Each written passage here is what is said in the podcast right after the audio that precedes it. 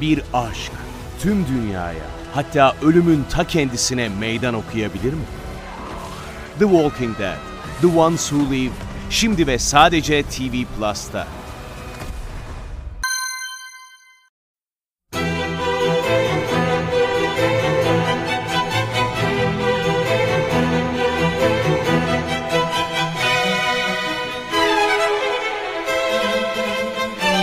Herkese merhaba, Sinematris'te Görkem Öge ile birliktesiniz. Bu haftaki programımızda Cem Yılmaz'ın son filmi Do Not Disturb'ü ve bu film üzerinden de biraz Cem Yılmaz'ın kariyerini, biraz kariyerinin ulaştığı noktayı konuşmaya ve özetlemeye çalışacağız. Birkaç ay önce ben Cem Yılmaz sineması üzerine bir program yapmıştım. Hani mümkün olduğunca böyle inceleyici ve Cem Yılmaz'ın bütün kariyerini dikkate alan bir sohbet gerçekleştirmeye çalışmıştım ve o programı şöyle bitirmiştim. Demiştim ki bakalım bundan sonra ne yapacak? Hani birkaç farklı açıdan Cem Yılmaz'ın bundan sonra ne yapacağı önem arz ediyordu. Hani bu aslında bütün sinemacılar için, bütün tırnak içinde meşhurlar için hani önemli bir şeydir. Hani bundan sonra ne yapacak? Ama Cem Yılmaz için biraz farklı bir durum var. Ondan da bugün bahsetmeye çalışacağım ama önce şu Do Not Disturb'ı size bir özetlemeye çalışayım. Ve peşinden de söyleyeyim spoilerli bir inceleme olmak zorunda. Mümkün olursa eğer filmi izledikten sonra sohbeti dinlemeniz daha iyi olur ama yok ben illa da dinlerim diyorsanız siz bilirsiniz. Filmde ufak tefek sürprizler var ama bence o sürprizleri hani görmek ya da sürprizlerin farkında olmak çok da filmi izleme dinamiğinizi etkilemeyecektir. Şöyle söyleyeyim şimdi Do Not Disturb birçok açıdan günceli yakalayan Şimdi Cem Yılmaz'ın en büyük problemlerinden bir tanesi buydu. Ben eski dediğim gibi o Cem Yılmaz üzerine yaptığım programda bundan bahsetmiştim. Yani Cem Yılmaz biraz halktan koptu, biraz güncelden koptu, sosyal medyadan biraz koptu ve bu durum onun kariyerini onu aşağı çekiyor demiştim. Şimdi Cem Yılmaz'ın o güncelden kopma özellikle sosyal medyadan uzak durma gibi eğilimlerini aştığını görüyoruz. Çünkü bu filmde bariz bir şekilde sosyal medya var. Sosyal medyanın insan üzerine etkileri var. İşte pandemi var falan böyle gayet güncel hani çok böyle günümüzde geçtiği, içerisinde bulunduğumuz Türkiye'de geçtiği çok belli olan bir film olduğu için Do Not Disturb bence Cem Yılmaz'ın kariyerinde ayrı bir nokta teşkil ediyor. Güzel bir noktada duruyor. Şöyle ki burada Isaac diye bir karakter var ve bu Isaac zaten kara komik filmlerde anlatılan dört hikayenin bir tanesinin baş karakteriydi. İyi de bir karakterdi. Birçok kişiye göre kara komik filmlerde ki en iyi karakter ve anlatılan en iyi öykü Isaac'ti ve Isaac'in öyküsüydü. Onun üzerine bir film, hani kocaman bir uzun metraj film yapmış Cem Yılmaz. Şöyle Isaac loser dediğimiz kaybeden karakter olarak adlandırabileceğimiz bir tip ve annesiyle yaşıyor. Pandemide işini kaybetmiş. İki yıl boyunca işte pandemi döneminde bir odanın içerisinde zaman geçirip baya böyle biraz Instagram etkisiyle kendinden çıkmış, biraz yapaylaşmaya başlamış bir karakter ve Artık işte pandeminin sonuna doğru bir otelde gece resepsiyonu işi buluyor. Orada da ona benzer birkaç başka kaybeden diyebileceğimiz karakter var. Onlarla işte tanışıyor, belli ilişkiler kuruyor. Yeşilçamvari ki yarı komik, yarı dramatik bir karakter dramı, karakter komedisi gibi ilerleyen film bir noktadan sonra bir gerilim öyküsüne e, tedirgin edici, böyle kaygan zeminde süre giden bir karakter dönüşümü öyküsüne evriliyor. Kabaca Donat Disturb böyle bir film. Hemen hemen tamamı bir otelde eczanede ve bir otelin işte önündeki sokakta falan bir eczanede falan geçiyor böyle. Çok dar alanda kısa paslaşma filmi diyebiliriz Do Not Disturb için. Süresi pek de kısa değil yaklaşık 2 saatlik bir süresi var. Prodüksiyon olarak bir Cem Yılmaz filmi için küçük bir prodüksiyon sayılabilir. Yani çok fazla karakter yok, çok fazla set yok. Hani çok yüksek bütçeli falan bir film değil. Daha mütevazi bir film ve aslında bir gişe filmi bile demek genel olarak şimdi Türkiye'nin en fazla hasılat yapan filmlerinin bazılarına imza atmış bir isim olduğu için Cem Yılmaz Cem Yılmaz kariyerinde o eski işte Goralar, Aroklar, işte o Yahşi Batılar falan o yapıdan bayağı daha kurtulmuş. Biraz daha sanat filmi diyemesek de yarı art house, yarı sanat filmi, yarı gişe filmi gibi arada duran bir film olmuştu Do Not Disturb. Biraz daha kişisel bir proje gibi görünüyor. Böyle ilgi çekici bir proje olduğunu düşünüyorum. Şöyle söyleyeyim şimdi nasıl bir film peki? O kaybeden ve hayata tekrar tutunmaya çalışan Isaac karakteri üzerinden ve ona benzer başka loser karakterlerin ilişkileri açısından bakarsak o filmin ilk yarısı fena değil. Güzel. Kah güldürüyor, kah hüzünlendiriyor. Güzel replikler var, güzel bir akış var, güzel anlar var, sohbetler var. Orada güzel. Ancak ikinci kısımda gerçeklik zemininin ortadan kalktığı, biraz gerilimleştiği böyle ortamın hani atmosferin, duygunun dramdan gerilime kaydığı kısımlarda film ne yazık ki aksıyor, çizgisini tutamıyor ve en özet haliyle diyebilirim ki niyetlendiğine yaklaşan ama onu başaramayan bir film haline geliyor Do Not Disturb. Çünkü o ilk bölümdeki karakter dramı yapısı esnekliğe geliyor. Bazı sahneleri uzatabilirsiniz, karakterlerinize biraz yer açabilirsiniz. Öyküyü bir kenara bırakıp karakterin bir tanesine yatırım yapabilirsiniz falan. Yani öykü akışında bir esnekliği, bir rahat bir yapıyı, rahat bir anlatımı kaldıran bir türdür karakter draması. Ama gerilimde çok daha düzgün akan, fazla hiçbir şey olmayan, kafa karıştırıcı hiçbir şey olmayan bir yapı gerektiriyor. Gerilim sineması ve Cem Yılmaz bu noktada gerçekten iyi bir işe imza atamamış ve özellikle de filmin aksamasının temel sebebi senaryo. Şimdi Cem Yılmaz hani bugüne kadar yaptığı filmlerin çok büyük bir çoğunluğunun senaryosunu da kendi yazdı. Önce işte hiç yönetmenlik yapmıyordu zaten. Sonra ortak yönetmenlik yapmaya başladı ve son filmlerinde de artık tamamen yönetmenlik koltuğunu üstlendi. Bence yönetmen olarak ortalama fena değil. Projeleri hani yeterince düzgün biçimde çekiyor. Karakter yönetimi iyi, oyuncu yönetimi iyi. Onlarda sıkıntı yok. Ancak bir, akışları pek iyi değil. Hemen hemen her filminde gereksiz sahneler, fazla uzatılmış sahneler ve o filmin ana çizgisini yaralayan bir akış dinamiği var. Bu bir. İkincisi ve ne yazık ki bence Cem Yılmaz hani artık kaç film yazdı? 10 tane mi 15 tane mi? Hiçbir zaman iyi bir senarist olamadı bence Cem Yılmaz. Hala filmlerinin en büyük sorunu senaryolarında ve bu senaryo akışındaki sıkıntıyı da Do Not Disturb'ün az önce söylediğim gibi tam ikinci kısmında çok net biçimde görüyorsunuz. Filmde gereksiz bir sürü şey var. Kafa karıştırıcı bir sürü şey var ve filmin o gerilim yapısının ana çizgisini ilerletici yapı, o ana çizgi birçok noktada sekteye uğruyor. Bakın biraz daha detay vereyim. Şöyle ki Hani ortada bir gizem vardır. Bir belirsizlik vardır. Yani bir sürpriz olacak belli. Yani ortada bir gerçeklik kayması var. Film akacak, akacak, akacak, gerilim akacak, akacak, yükselecek, yükselecek, yükselecek, patlayacak. Bu gerilim sineması formülü ta 1930'larda 40'larda Alfred Hitchcock'un icat ettiği bir akış dinamiği. O zamandan bugüne kadar neredeyse hiç değişmeden kullanılıyor ve çalışıyor da. Yani en güncel gerilim filmlerin bakın hala aynı formül geçerli. İşte Cem Yılmaz bu formülü doğru biçimde uygulayamayan bir senarist. Filmde mesela Cem Yılmaz bir karakteri silahla çekiyor, vuruyor. Film oraya geliyor, geliyor, geliyor. O bir patlama anı. Ondan sonra o karakterin başında bir şeyler konuşmaya başlıyor.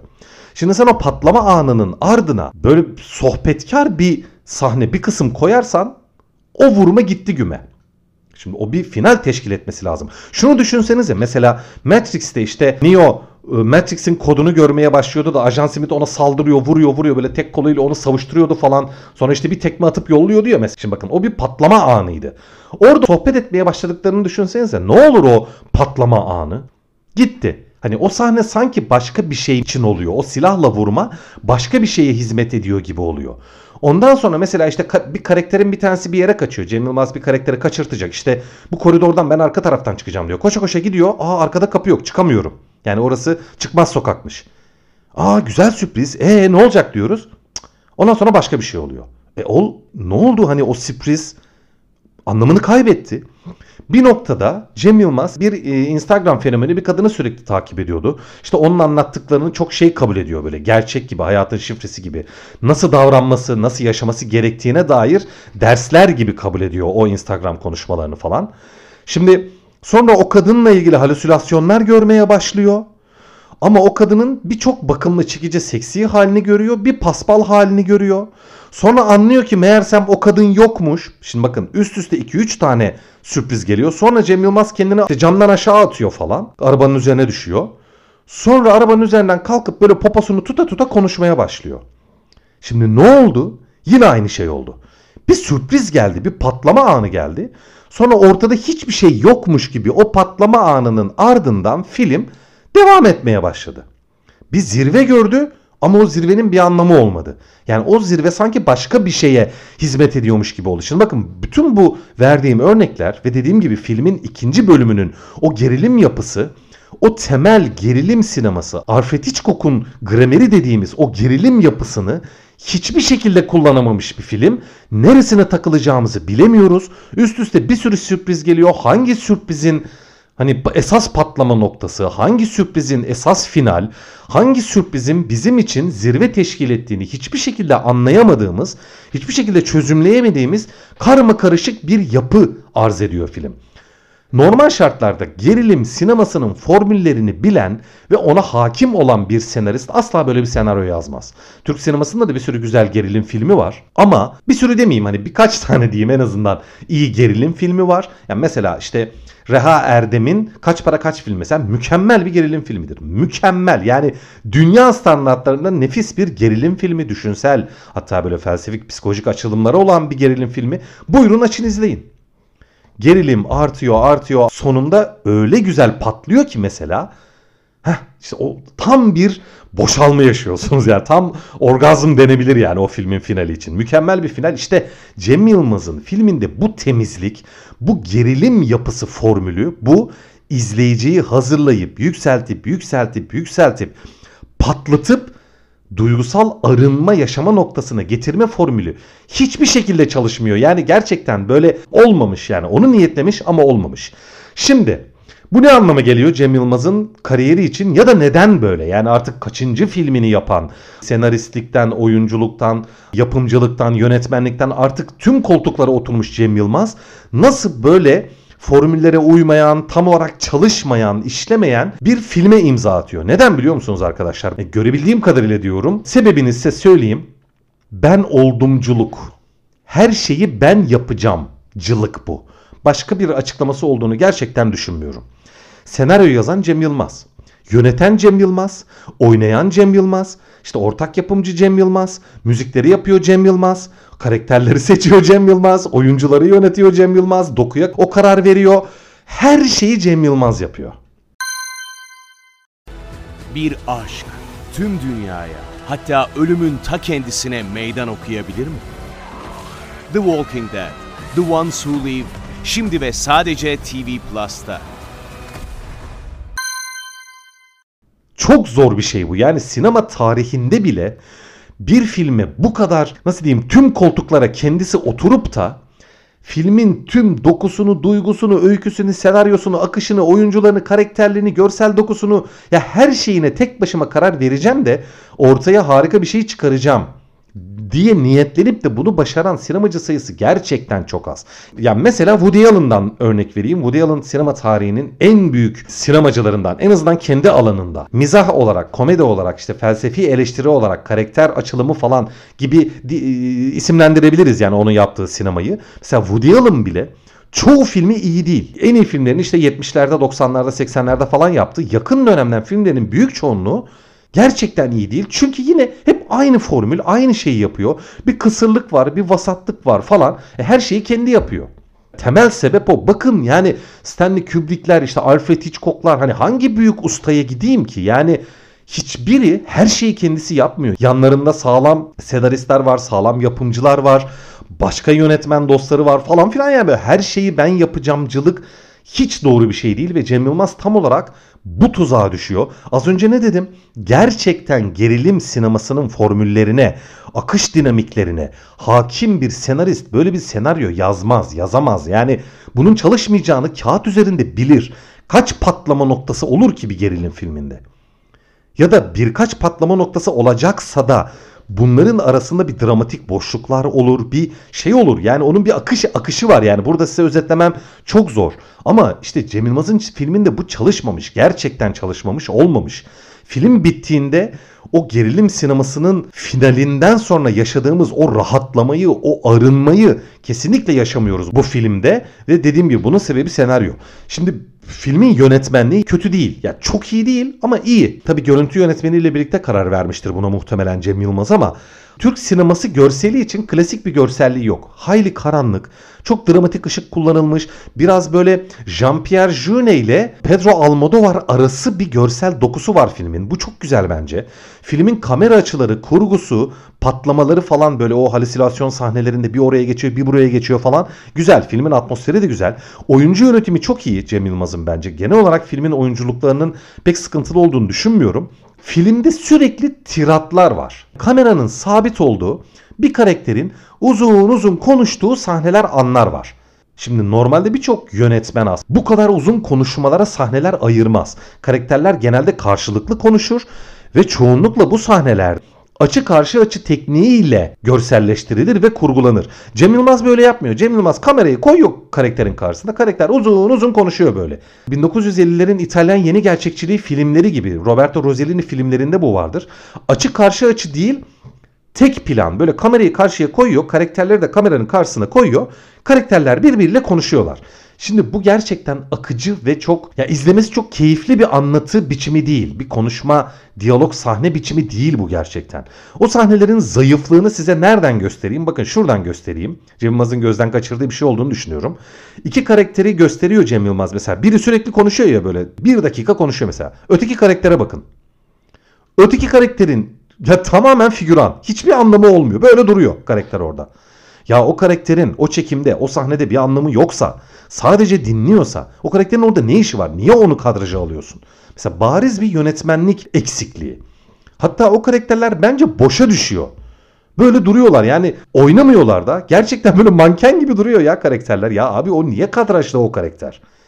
Çünkü bir karakter bir şey anlattığında, bir tirat attığında karşısındakinin tepkisi önemli değil mi? Şimdi ben böyle bağırıp çağırsam mesela bir karakter olarak karşımdaki karaktere karşımdaki hiçbir mimik vermeden, hiçbir duygu vermeden dümdüz durursa ne olur? Benim o tiradımın, o duygusal patlamamın, o anlattıklarımın, söylediklerimin hiçbir anlamı olmuyor gibi olur değil mi?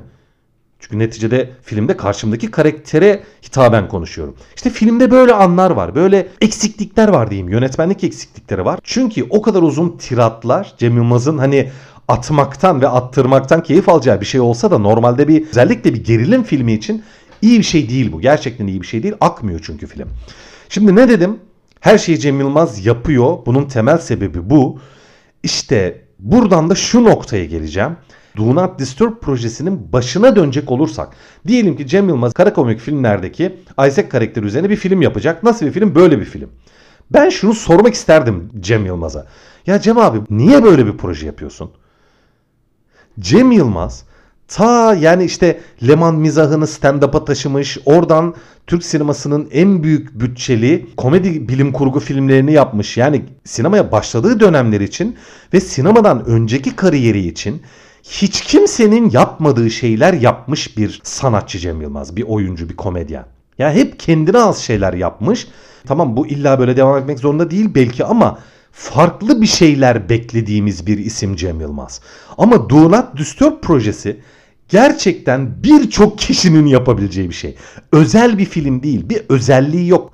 İster dünya sineması için, ister Türk sineması için. Yani daha ortalama bir yönetmen, ortalama bir senarist, ortalama bir ekip ve makul bir bütçeyle herkesin demeyeceğim ama birçok başka ismin de ortaya çıkarabileceği bir proje Do Not Disturb. Yani Cem Yılmaz'ı ya, ya şöyle söyleyeyim atıyorum ben bir senaryo yazdım Do Not Disturb diye. Götürdüm işte Cem Yılmaz'a diyelim ki. Abi bak senin işte kara komik filmlerdeki şu karakter üzerine ben böyle bir uzun metraj yazdım. Ne diyorsun? Açıp Cem Yılmaz o senaryo okusa ya en fazla şunu demesini beklerim. Yani ne bileyim ya Görkemciğim fena değil ama yok, yok ya beni öyle yani çok da heyecanlandırmadı. Böyle bir şey demesini beklerim. Ya yani böyle bir proje Cem Yılmaz'ın yapmak isteyeceği bir proje olmaması lazım. Çünkü başkalarının da yapabileceği bu proje bu bence. Cem Yılmaz'ı niye heveslendiriyor? Bilmiyorum. Gerçekten bu sorunun cevabını bilmiyorum. Ve yine aynı sohbete geleceğim. Her şeyi sen yapamazsın Cem abi. O ol, olmuyor işte yani. Olmaz yani.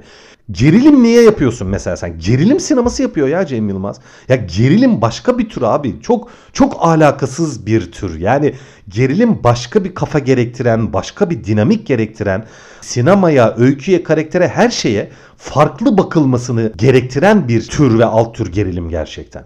Cem Yılmaz neden gerilim yapıyor? Ya ben bu soruların da cevabını göremiyorum. Ha şöyle bir kafa var. Artık işte Cem Yılmaz belli bir kredide, belli bir olgunlukta ne yaparsa yapsın izlenir falan. Okey tamam. Cem Yılmaz'ın adını görelim o filmi izleriz diyelim ki. Peki ki bence artık öyle değil. O bence geçti o dönemler. Peki yani Cem Yılmaz'ın da şunu dediğini varsayalım. Kısmen de bunu diyor zaten. Ben bunu yapmak istiyorum. Yani canım ne isterse onu yapıyorum.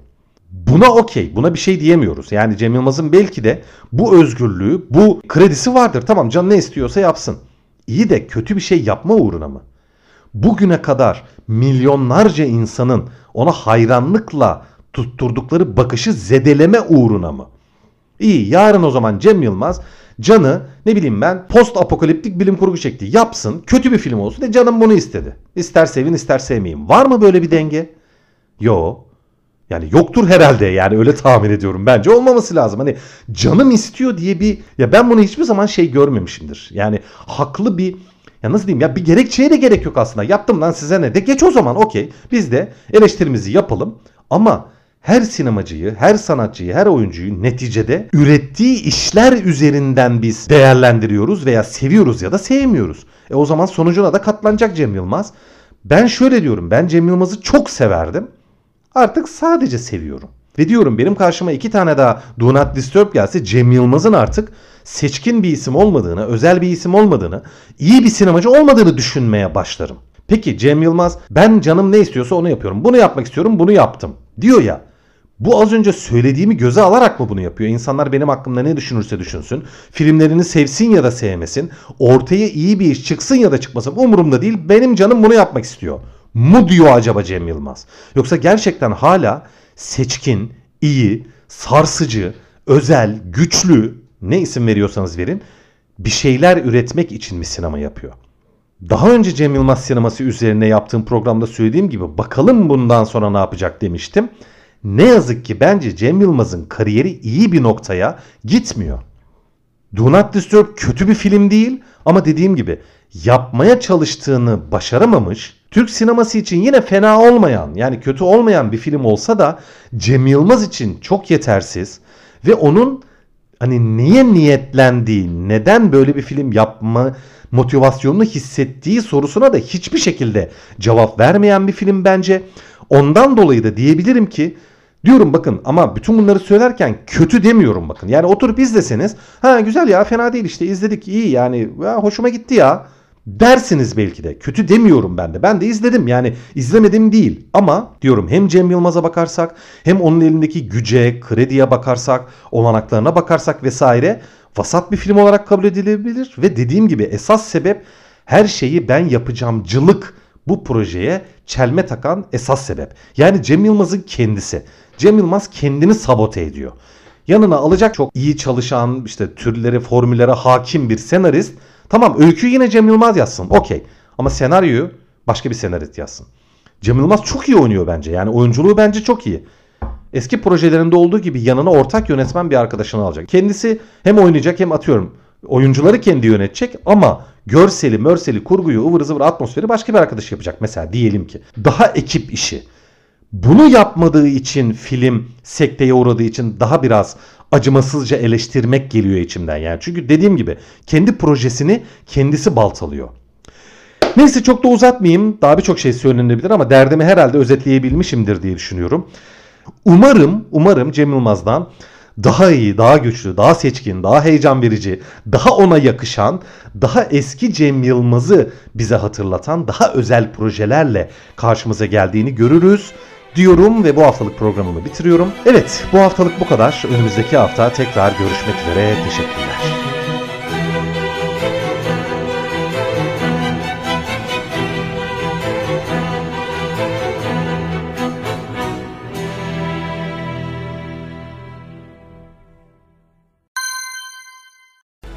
Bir aşk tüm dünyaya hatta ölümün ta kendisine meydan okuyabilir mi?